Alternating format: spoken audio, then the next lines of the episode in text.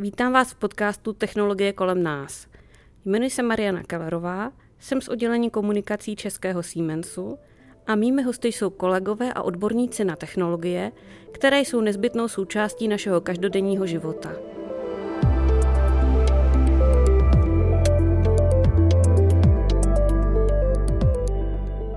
Před pár dny začal březen a brzy oslavíme 30. výročí Dne vody.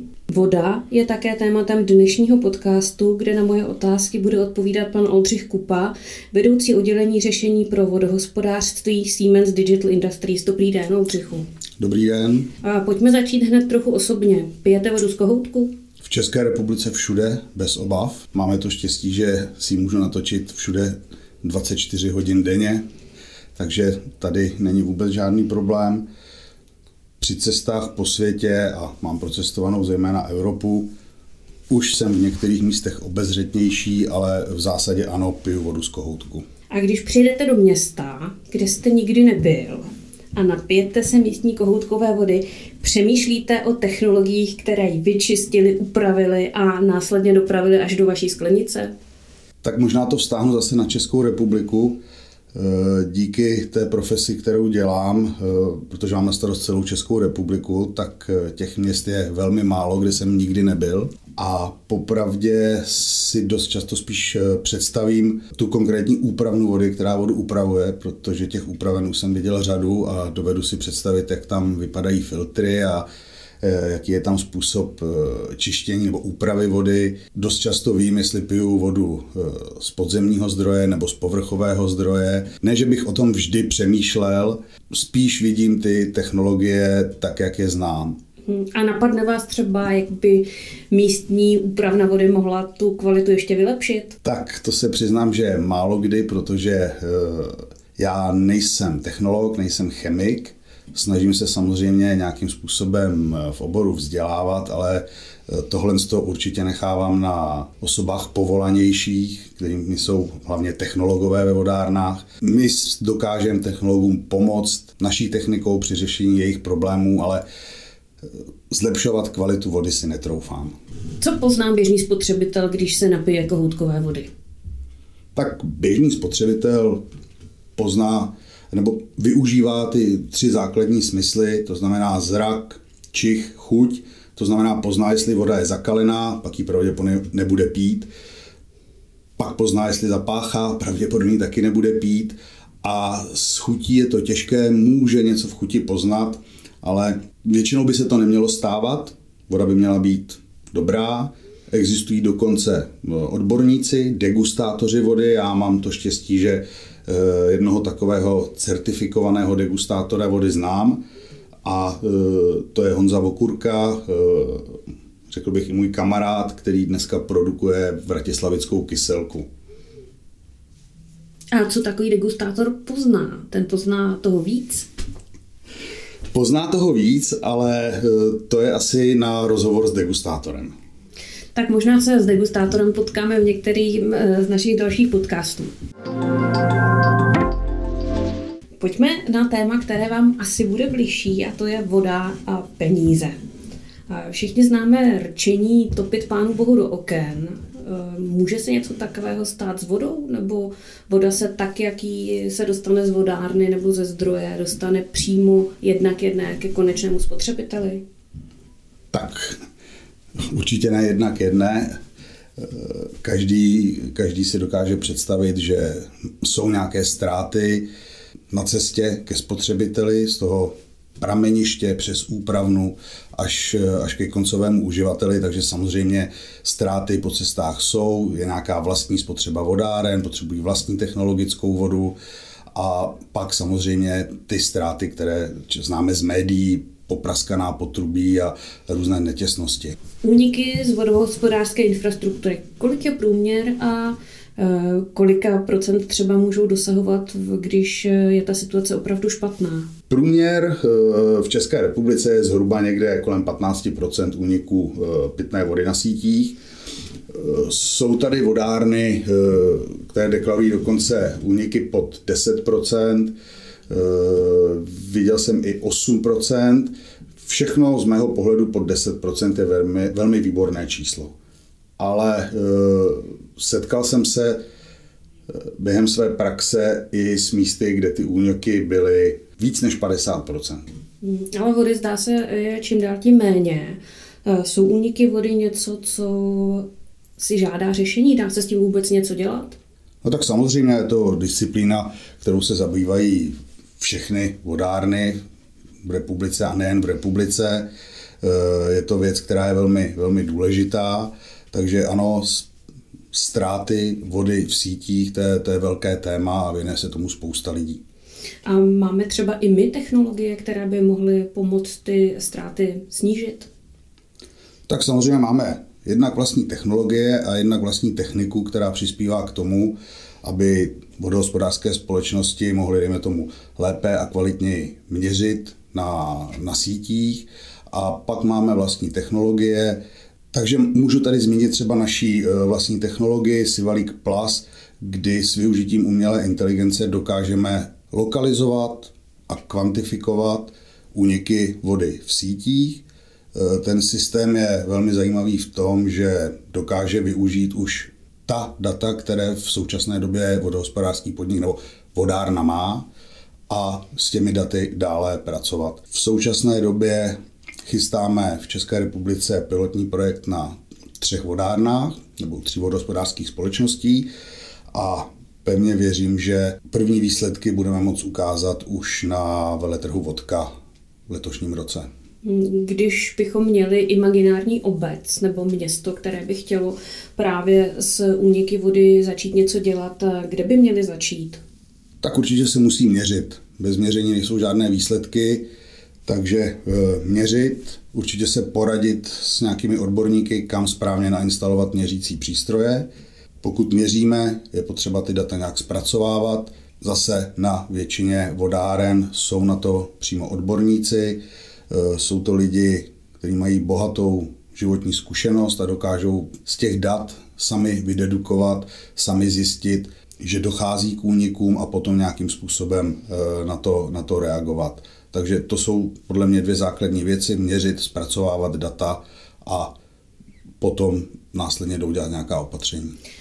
Když se provozovatel rozhodne úniky vody řešit, jak dlouho bude trvat, než bude výsledek viditelný a ekonomicky významný? Eh, je dlouhodobý proces. Eh, ty výsledky samozřejmě eh, nemáte i hned a třeba i s využitím našeho systému ten, ty výsledky začnete dostávat v podstatě až během několika týdnů, kdy se umělá inteligence neuronová síť vycvičí, správně natrénuje na, na modelu a dokáže potom úniky, úniky odhalovat. V poslední době se Hodně řeší také energetická náročnost jednotlivých technologií. Je vodárenství energeticky náročný obor? Bez zesporu ano.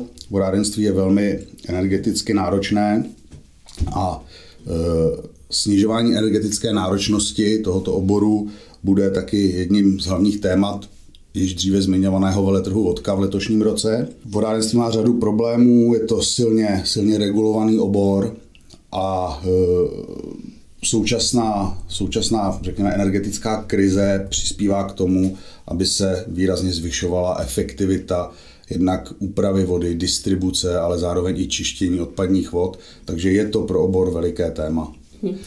Dá se třeba odhadnout, kolik energie je potřeba vynaložit na to, abychom si z kohoutku mohli natočit jeden litr vody? První otázka a druhá, je to všude stejné? Obecné číslo je někde v rozsahu 0,2 až 0,7 kWh na, na litr vyrobené vody. Nevím přesně, jestli je v tom už započítaná i distribuce, protože ty rozdíly jsou, ty rozdíly jsou veliké. E, záleží na typu úpravny, jestli se zase, jestli se upravuje podzemní voda, jestli se upravuje povrchová voda. Těch technologií je řada. A samozřejmě se pak musí ta voda nějakým způsobem dopravit do vodojemů a dál ke spotřebiteli.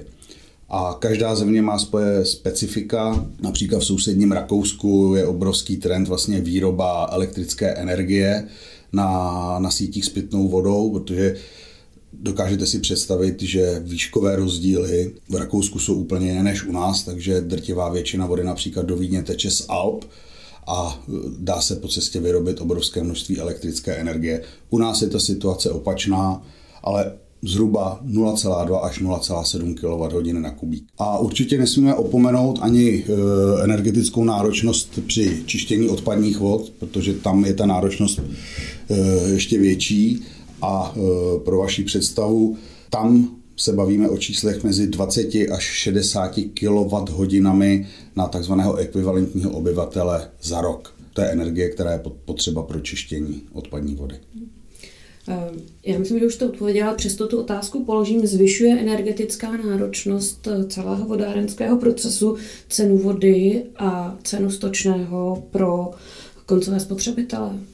Samozřejmě cena energií má vliv, cena a spotřeba energií má vliv na tu koncovou cenu, ale eh, je tam spousta dalších položek. A když bychom se podívali na ten vodohospodářský proces, kde se energie spotřebovává nejvíc? Určitě na čistírnách odpadních vod eh, je to na, biologických, na biologické části čistírny, eh, v aeračních systémech, tam eh, dmychadla, turbokompresory tvoří zhruba 45% spotřeby elektrické energie, dalších minimálně 15 až 20% potom čerpání. A na úpravnách vody je to dost podobné, to znamená zase největší spotřebiče jsou kompresory, dmychadla a potom, potom čerpání. Lze energetickou náročnost ve vodárenství nějak snížit?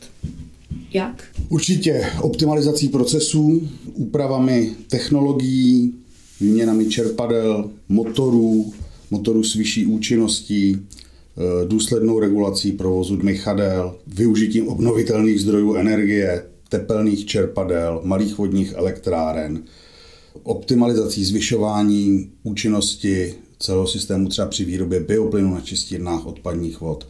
Takže cesty tady jsou.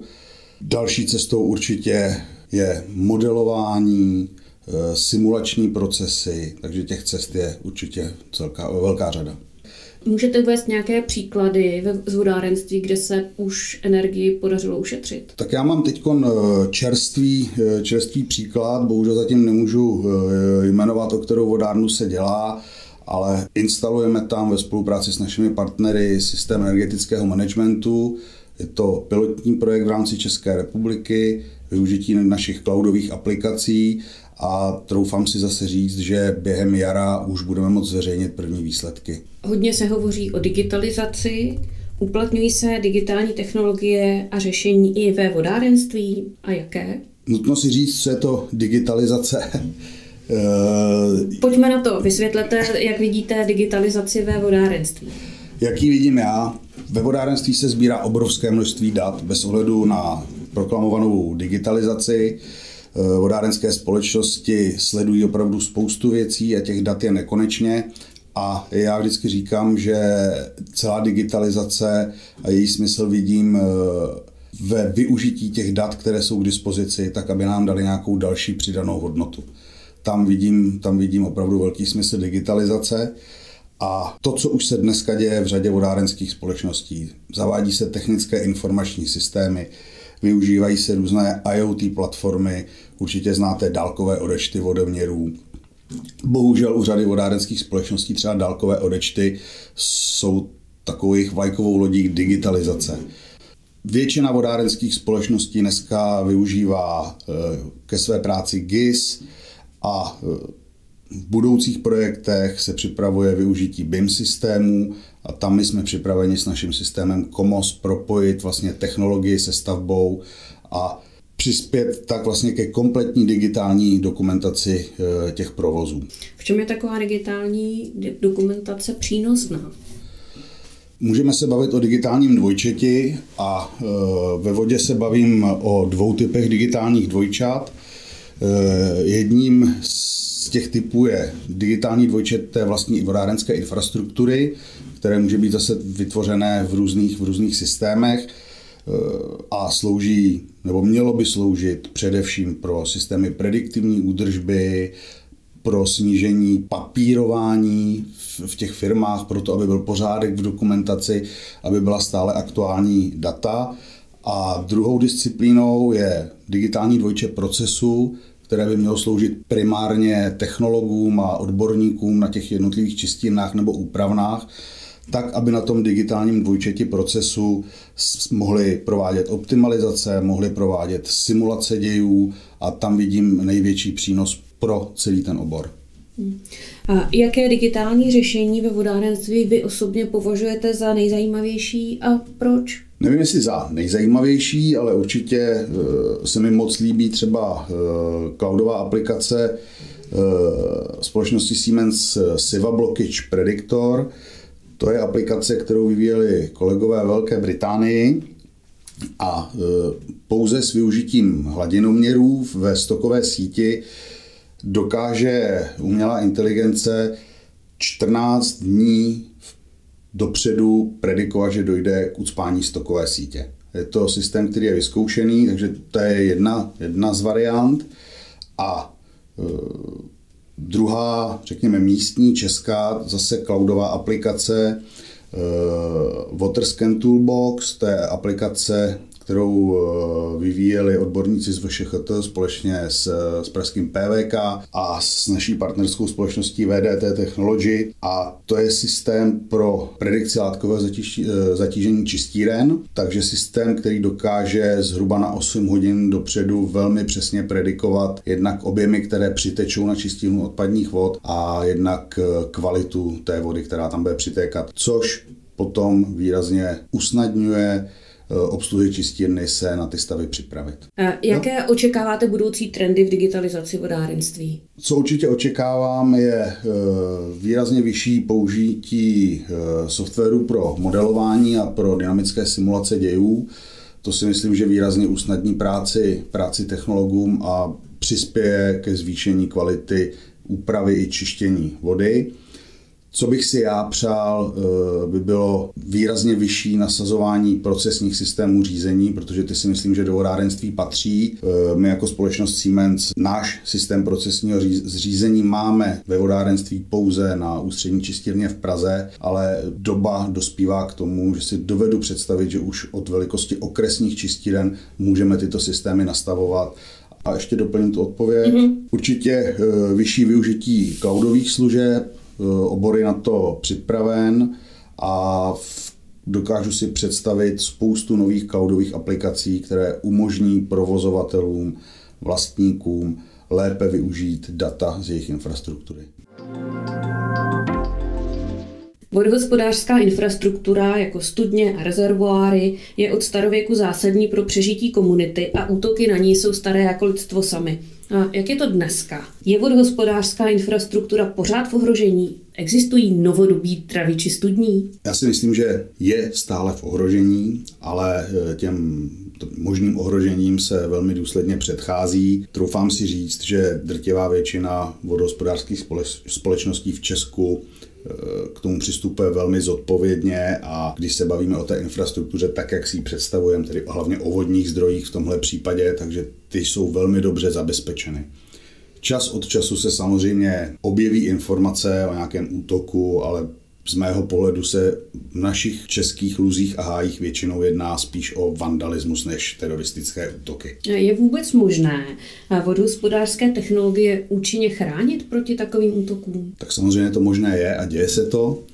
E, začíná se už v podstatě na fyzické ochraně těch, těch větších objektů, ale e, jsou zabezpečeny vstupy do objektů, jsou zabezpečeny e, přístupy k vodojemům, vstupy do vodojemů, vodní zdroje, takže ano, určitě se to děje a e, vodohospodáři na tom pracují velmi zodpovědně.